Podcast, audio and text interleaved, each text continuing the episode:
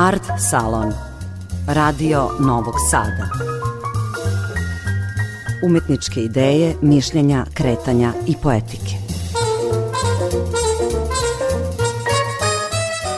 Dobroveče, ja sam Tatjana Novčić-Matijević. Počinje Art Salon, emisija Radio Novog Sada o kulturi. Večeras o veštini i umetnosti prevođenja sa dva svetska jezika široke rasprostranjenosti i mnoštvom varijeteta. Tu je isto velika zabluda. Svi odlično znaju engleski, na kraju shvatimo da ne znamo engleski.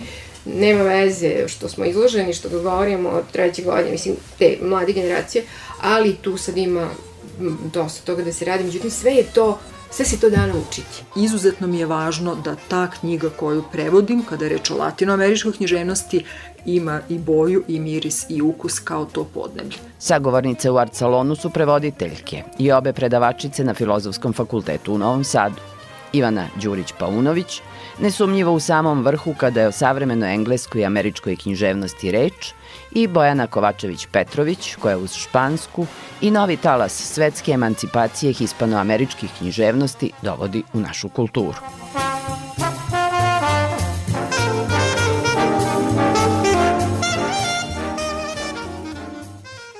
Prevodite sa dva velika jezika, sa mnogo razlika unutar tih jezika. Hajde prvo da krenemo od španskog, odnosno hispanoameričke literature, gde čini mi se leksičke nijanse su i različitosti mnogo prisutnije nego u nekim drugim velikim jezicima.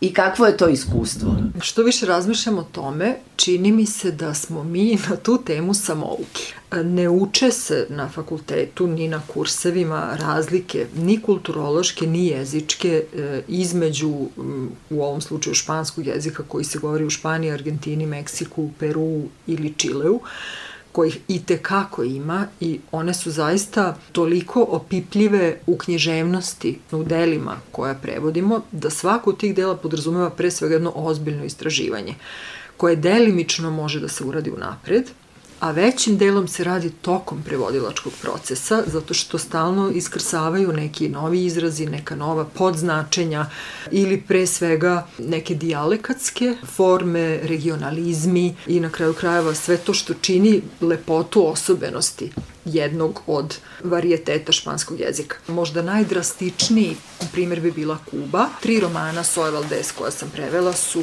obilovala kubanizmima, regionalizmima, karipskim rečima, domorodačkim rečima i tako dalje i sve to je izuzetno zahtevno. Sreća u tim okolnostima je primjer što je ona dostupna i što sam ja mogla da je konsultujem u vezi sa nekim rečima, izrazima i to je stvarno bila ogromna pomoć, ali ni to nije dovoljno jer ne možemo pisca svaki čas pozivati, cimati, jel da čak i kad je živi, kad hoće da komunicira. Ja sada prevodim Markesove memoare ili kako bi mi moj sold, profesor Soldatić rekao, memoare Garcije Markesa, on ne može biti Markes, njegovo prvo prezime je Garcia, što dakle zvuči vrlo primamljivo, naravno, naravno jeste, da. to je čitav jedan, kako španci kažu, testimonio i uzbudljivo je pre svega, međutim, to je izuzetno zahtevno. I ja stvarno moram iz petnih žila da se trudim da razumem i da, pošto, na primjer, u Kolumbiji nikada nisam bila, a puno sam, dovoljno sam čitala Garciju Markesa da imam vizualizaciju prostora o kojima on govori, ali ponekad ni to nije dovoljno i iziskuje da po čitav pasus ponekad prevodim 2-3 sata, ne bih li uspela da prenesem sve to onako kako ja doživljavam. Dakle, zahtevno je, jednom rečiju, veoma je zahtevno. U slučaju savremene engleske i američke književnosti, reklo bi se ovakvih problema velikih nema ili ili je to zabluda. Mi negde prepoznajemo da živimo e, prostor velikog uticaja popularne kulture jel, koja stiže sa tog anglosaksonskog područja, ali e, da li je to za prevodioca e, jednostavniji kontekst ili podiže odgovornost? Ima jednog i drugog. To što smo dugo izloženi anglofonoj kulturi i engleskom jeziku u raznim varijantama, ne znači istovremeno i nužno da će i prevođenje sa različitih varijeteta engleskog jezika biti time olakšano, ali jeste u neku ruku, za razliku od španskog koji je sada na filozofskom fakultetu jedna mlada katedra koja će tek da stvara kurseve koje će u velikoj meri pomagati i prevodiocima između ostalog, u, između ostalog u tom procesu rada na odseku za anglistiku mi imamo kurs koji se zove varijeteti engleskog jezika gde se upravo, i to na osnovnim studijama, gde se upravo i obrađuju one osnovne varijante, britanska, američka, kanadska, australijska i sve druge bivše commonwealthske varijante tog jezika, pa je to nekakav početak. Znači, to je dovoljno da postanemo svesni razlika i da ih onda uočavamo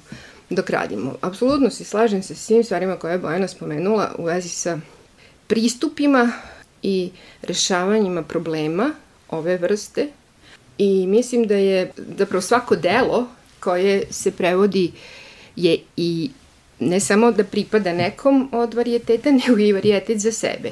Svako umetničko delo ima, kao što dobro znamo, svoj jezik i stil i prevodilac je tu da pre svega bude svestan te celine dela, u sveukupnosti, ali isto tako i na nivou vokabulara, sintakse i svega ostalog, da bude svestan uh, tih razlika. Puno pomaže kada smo, pošto naravno primarno je ne samo to što ste rekli, poznavanje jednog i drugog jezika, nego i taj kulturni kontekst koji ume mnogo toga da otključa, mnogo toga da olakša u smislu da ne napravimo nepotrebnu grešku, ali puno znači i kada smo sami bili u prilici da deo vremena provedemo tamo. To, to je, ja mislim, onako, nemerljiv jedan plus, jedna prednost. Ti zapravo rez, rezidencijalni boravci. I, rezidencijalni boravci ili privatni oh, boravci mm -hmm. ili mhm. kako god. Svaki mm. savesni prevodilac bi trebalo toga da bude svestan i makar, pošto znamo kako finansiranje takve stvari ovde funkcioniše, ako zaista želite da radite na sebi i želite maksimalno da, da, da iz tog izvornog teksta izvučete ono najbolje i najviše da to na srpskom izgleda zaista kako treba, onda sami u sebe ulažete tako što odlazite. E, tamo što se takođe savjetujete sa piscima, opet ne preko svake mere, jer i pisci imaju razne varijante kako bi nekakve stvari trebalo da se prevedu i njihovih dela, jer su, često su i sami prevodioci, bar u ovom slučaju. Tako da, da, to je jedan paket ogromni gde moramo biti svesni sadržaja do detalja ukoliko želimo da budemo dobri prevodioci, odnosno da prevod bude dobar, ne moramo mi da budemo dobri. Da li u vašem slučaju, recimo, Julian Barnes ili ti Paul Oster na drugoj uh mhm. -huh. strani bare da. i kontinuirano prevođenje njihovih dela, da li to olakšava? Kada razvijate tu svest o tom kompletnom opusu ili većini Absolutno. opusa jednog autora. Apsolutno. Pošto ni Bojana ni ja nismo prevodioci, ja mislim da smo mi pre svega prevodioci iz velike ljubavi prema tom poslu. Dakle, imamo i svoje Dobro, da, vaše univerzitetske karijere, da bome, da. E, to, to veoma pomaže. Kao što znamo, prevođenje je nekako najdublje čitanje, najdublja analiza književnog teksta. To je primarno samo sesti i prevoditi, onako, kucati iz, iz teksta originala, pretakati u svoj jezik, vrlo često ne može da bude dovoljno. Ali da, poznavanje u kontinuitetu, eto, to, zapravo to je neka vrsta privilegije. Ja nisam imala ni vremena, ni mogućnosti da sve ono što, se, što bih ja želela da prevedem, prevodim, jer ne, bukvalno reći o nedostatku vremena, ali sam se onda opredelila za dvojicu pisaca ili za nekoliko pisaca, prvo za koje sam ja osetila, jer to je taj subjektivni moment, znate da postoji dilema, bar u, u anglofonim studijama prevođenja, dotle se i došlo da je i prevod autorski tekst, koliko god je derivat, koliko god je sekundarni, naši čitaoci imaju priliku da vide ono što smo mi uradili. I niko izuzev u tim neverovatnim situacijama na času kada uzmete sa studentima kad radite analizu originala i prevoda, to naši redovno čitalci ne rade. Da, dakle, to, to je da, to je unutar jeste, vaših ali tu jedino možemo da vidimo kako da, da kako mi se iz polja da. nemamo uh, u to. poznavanje celokupnog opusa pisaca, da, naravno da pomaže, jer, jer pratimo i razvoj i oni uh mhm. -huh. pišu i dovoljno dugo i dovoljno često, ali se uočava i ono što je jezik i stil i u toliko je možda olakšano. Sad. A da li ti imaš svoju prevodilačku gradaciju, recimo, to isto je mene zanimalo tokom jednog godina. Gradaciju. Tako je. Pa ne znam, meni se čini da sam ja, kako su se ta dela pojavljivala i kako, sam, kako su oni izrastali u pisce koje jesu, tako sam i ja nekako pokušavala da ne izneverim to. I nemam ja neku posebnu poetiku, zapravo meni je poetika koju pratim poetika dela, izvornog dela. I onda nekako ima tu mnogo stvari koje ne mogu da se verbalizuju. to, sam, to sam htela da pitam. Upravo imajući na umu tu široku rasprostranjenost engleskog jezika i e, kulture. Ta vrsta finese, da ono što je tekst u engleskom jeziku, u duhu engleske književnosti i kulture, da se prebaci u duh našeg prostora, našeg jezika, a da imamo potpunu svest i jasnu predstavu da to jeste priča tamošnja. Tako je. I to je jedan dakle, osnov to, pravosti. To je, da. Tu se vidi veština, jer mi kao čitaoci nemamo predstavu da. o vašim mukama prevodilačkim, da. ali vi nas ubedite da, da je pisac jeste dobar ili nije dobar. Odnosno, da je prevod. To kad je velika sreća zapravo, jer mi nekada imamo odlične pisce u prevodima koji su nedostatni i onda ih proglasimo lošim piscima. Ne smijem ni da kažem koliko pisaca sa e, engleskog govornog područja da. je propalo I sa su ljudi čitali, da, mislim, verujem da je svugde tako, čitali nekakve, neke prevode koji e, nisu laskali ni, ni na koji način onome što je pisac u, u izvornom tekstu napisao. Znamo da je, kad je reč o prevedenim knjigama, da izdavači marketinški vrlo rade na njihovoj promociji, I Kako onda mi, I onda mi zapravo kao čitaoci nemamo pojma da li je taj pisac zaista dobar ili samo čitamo loš prevod. Ja mislim da nama fale pre svega recenzenti prevoda i već godinama se upinjem da sa izdavačima, a komuniciram sa čini mi se 15 izdavačkih kuća uzalud pokušavajući da vratim tu kategoriju. Odgovor koji najčešće dobijam je recenzenti traže, na primjer, 100 evra da recenziraju jednu knjigu, da ukažu na neke greške ili na nedoslednosti i tako dalje. To, dakle, moraju biti stručni ljudi.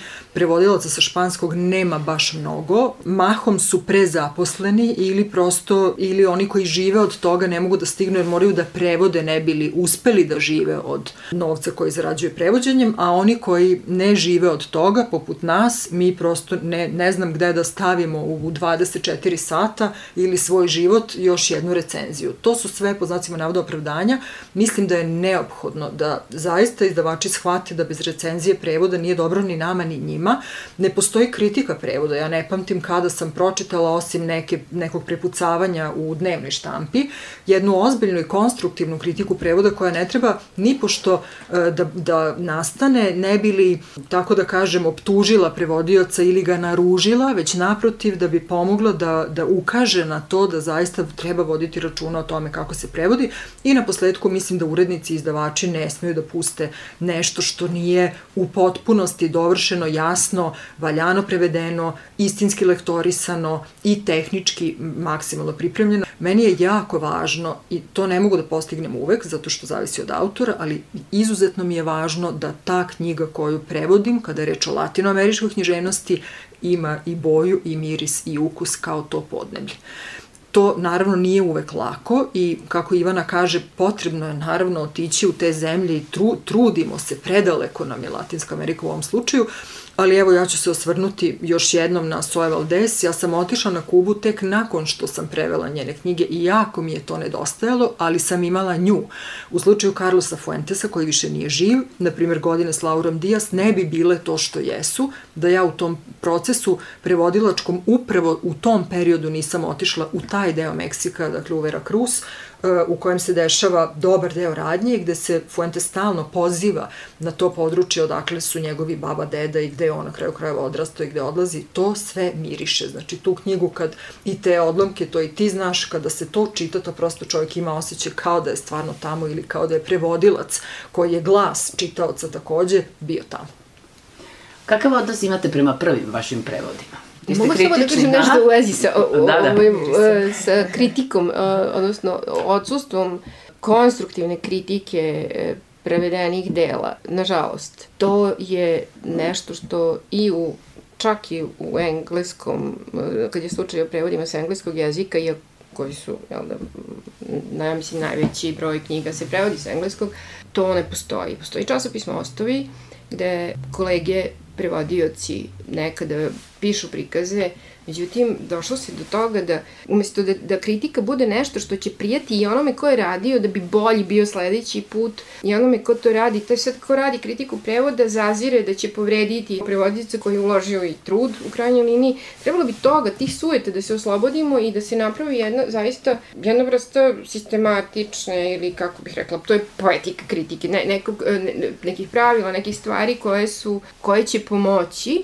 da prevod da, da, na srpsku jezik budu, da, budu da, da. bolji. I sada to, tu uvek dolazimo do toga da se radije ljudi će ćutati ili će razgovarati između sebe kako je nešto užasno. Zapravo jedinu, jedinu vrstu validacije prevoda dobijamo ako knjige uđu u izbor za nagrade.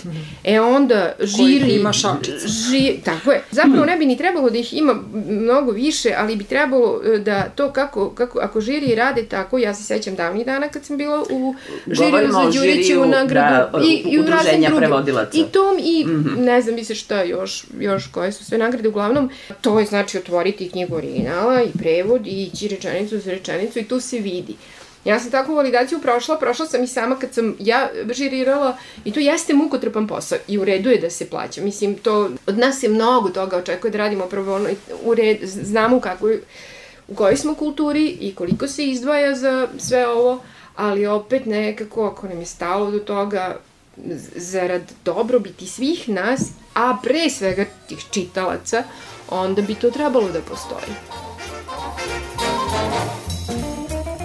Ovo je Art Salon, emisija u kojoj su sagovornice prevoditeljke Ivana Đurić-Paunović i Bojana Kovačević-Petrović. I da se vratim da, na ono da, pitanje, se, da. kakav vam je odnos prema vašim prvim prevodima? Uf, Je li se vraćate ponekad? Ja imam jedan malo zabrinjavajući manir, a to je ja sam potpuno u tekstu dok ga ne završim i u, dok ne odu štampariju i onda kada odu štampariju, mene je pomalo strah da pogledam Takođe. knjigu, jer desi se da tu sam baš onako talična da ako uzmem knjigu sa police u knjižari i otvorim i ovako, bar će jedan zarez faliti.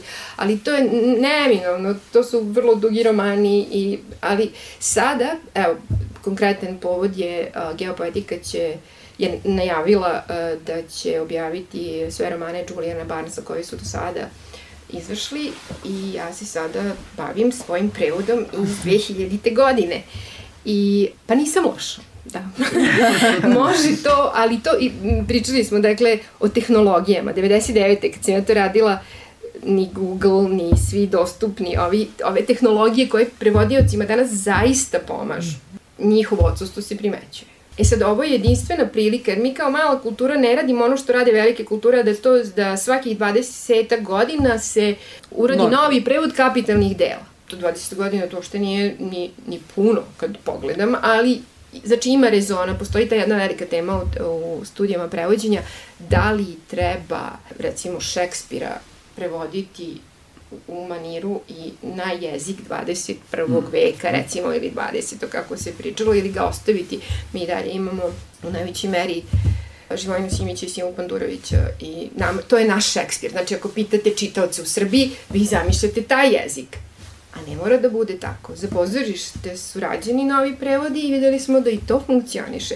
Tako da mi se sad sve više dopada ideja da se to ipak obnavlja, jer sve mislila ko će pobogu raditi sve ove nove dobre knjige koje dolaze ako nas toliko malo, koliko god da nas ima, Ovaj, Zapravo da, vas ima malo, malo, s obzirom na, na da, izazove pa, i na ponudu jest, i, svetsku. I, da, da, onda, ko će se sada vraćati na to? Međutim, ima, evo, ja ću sad videti to, upravo sad to radim i ono osnovno se drži da ok je, ali naravno uvek ima mesta da se stvari poprave kako da ne. Ja bih dala primer Don Quixota. Mm -hmm. Naime, mi smo i dalje, kada spomenemo Don Quixota, e, imamo u glavi prevod Đorđa Popovića Daničara iz 1895. 6. godine.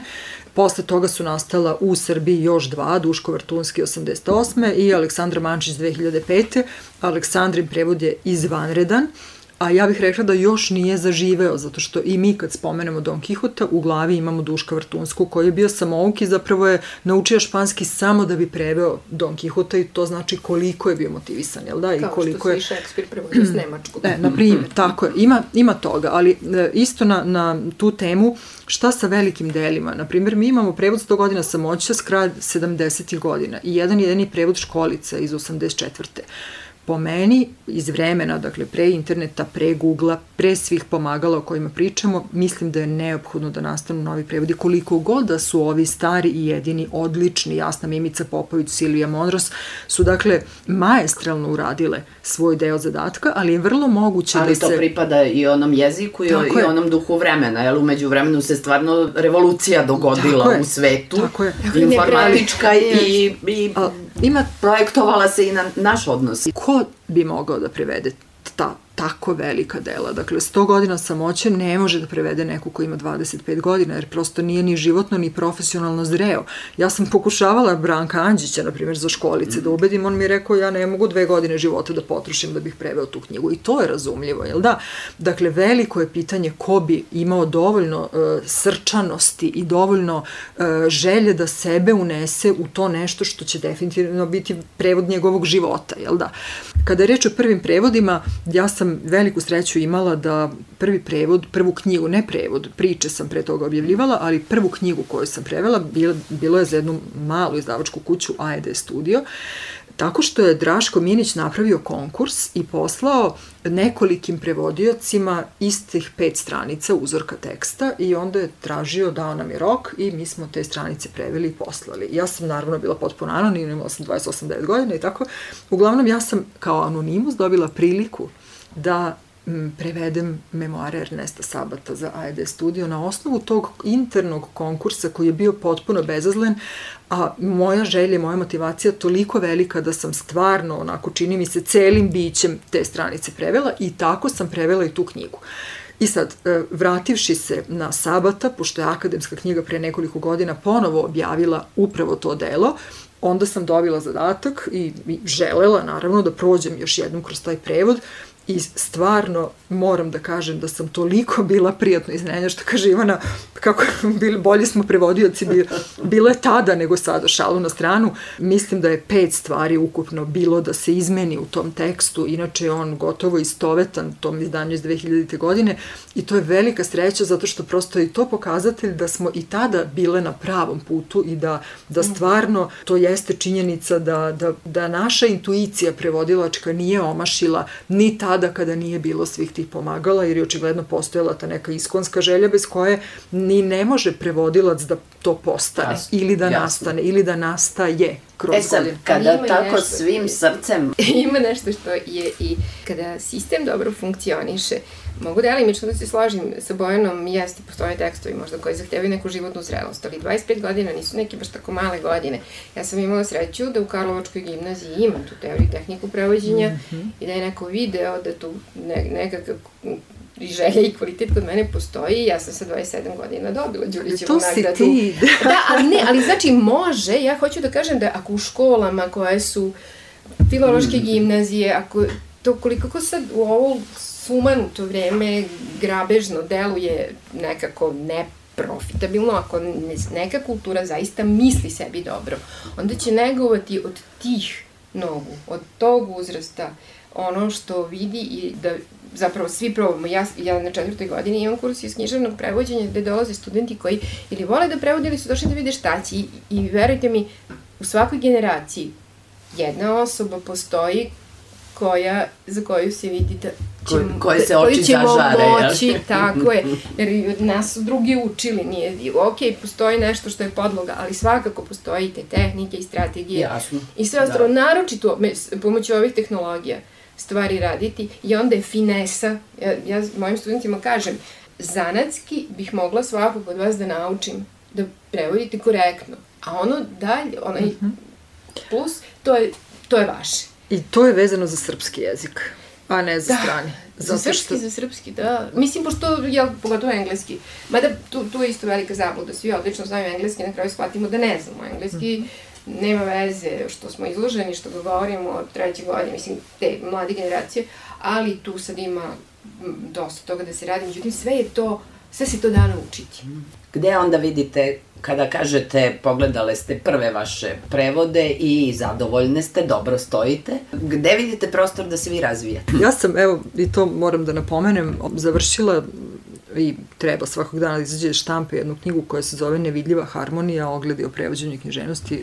Knjiga je delom posveća okrenuta teorija, delom mojoj praksi i u njoj pokušavam da prenesem to, dakle da se prevođenje uči prevođenjem i da je to proces koji je neprekidan. To je deo celoživotnog učenja. Znači, mi svakim novim prevodom odlazimo korak dalje, jer je svaki novi prevod priča za sebe, delo za sebe, autor za sebe. I na kraju krajeva desi se da i, i nama, u, bar meni u ovim godinama, da vrlo lako pročitam i razumem neku knjigu na španskom, a kada treba da je prenesem, ne ide mi tako lako, jer se prosto desi da to ne funkcioniše jednako dobro u srpskom jeziku. Znači, ja svaki put moram sebe da prevaziđem u nekoj knjizi. Ja, i koliko je to uopšte lični rad, reči tome da se konteksti non stop menjaju. Knjige ne nastaju u vakumu, ni prevodi ne nastaju u vakumu. Mi smo drugačiji od jučerašnjih nas, a kamoli od nekih od pre 10 godina i to se sve nekako ugradi i u taj tekst. I zato je svaki tekst koji prevodimo zahteva neku vrstu sagledavanja i tog šire konteksta i zato mislim da je najvažnije to dubinsko istraživanje svega. Bukvalno sve što mogu da nađem u vezi sa nastankom knjige. Pa onda svim onim što se u tekstu dešava, američka književnost je prepuna, ona je naročito savremeni pisi, ona je prepuna uh, vrlo subtilno podučene ili sakrivene ili otvorene kritike ne samo američkog društva, nego zapadne civilizacije kao takve. Tu se uh, u poslednje vreme mi je najvažnije da slučajno mi ne promakne neki ironijski ton. Nešto što bi onako delo je dosta ravno na, na površini, međutim, e, onda sednem i osluškujem i gledam šta je tu sve mogu. Da se kaže, puno pomaže to što Bojana kaže kad radite sa pisima koji su živi, pa i ima dovoljno intervjua, i, i ovaj, dovoljno su se oni o tome očitavali, dakle, iznosili neke svoje stavove, to sada sve može i sve to pomaže da prevod negde ne, ne propusti neku važnu stvar. Ranije nije mogo. Ranije, ja imam utisak da su ranije prevodioci u stvari bili, recimo, ljudi književno nadahnuti, sami Jeste. pisci i pesnici. To je velika istina. I, I ja, mislim, imamo mi verovatno i to, ali smo svesni i svega ovog drugog. Vama hvala na, pre svega na svim prevodima i svim knjigama koje čitamo. Hvala vam i na ovom razgovoru i želim vam još puno dobre energije, strpljenja imate, radoznalosti, uzbuđenja imate. Hvala te. Želim nam što više sradljivih izdavača. I upravo sam to htela da kažem da, da, da, da, da vam poželim da imate izdavače koji će slušati vaše Da znaju sugestije. da nije sve u brzini. Tako I još je. nešto. Da. Jer ćemo Naslednik. i mi onda... Naslednik. Naslednike stvarajte. Bio je to Art Salon, posvećen prevodilačkim veštinama i umetnosti, a o kojima su govorile Ivana Đurić-Paunović i Bojana Kovačević-Petrović. Narednog utorka nove priče o umetničkim idejama i praksama. Laku noć, želim vam Tatjana Novčić-Matijević.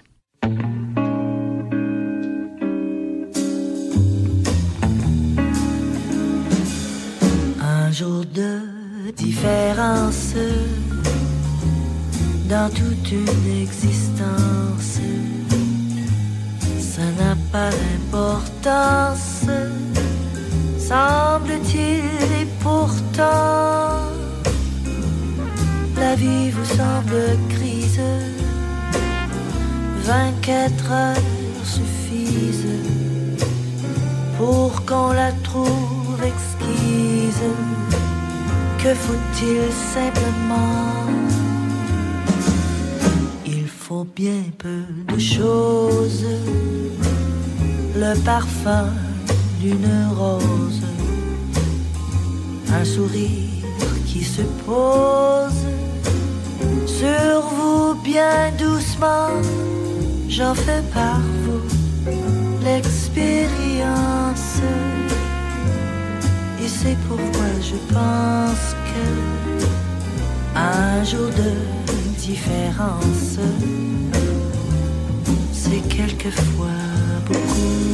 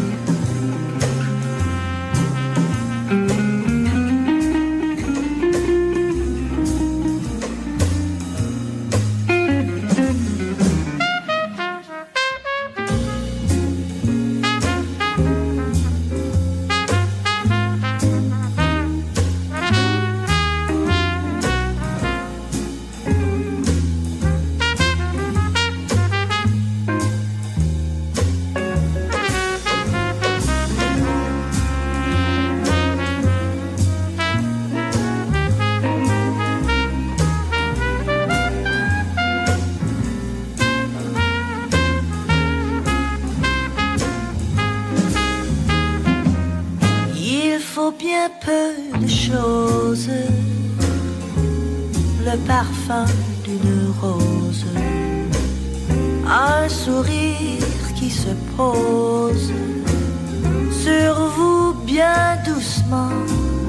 J'en fais par vous l'expérience. Et c'est pourquoi je pense que un jour de différence c'est quelquefois pour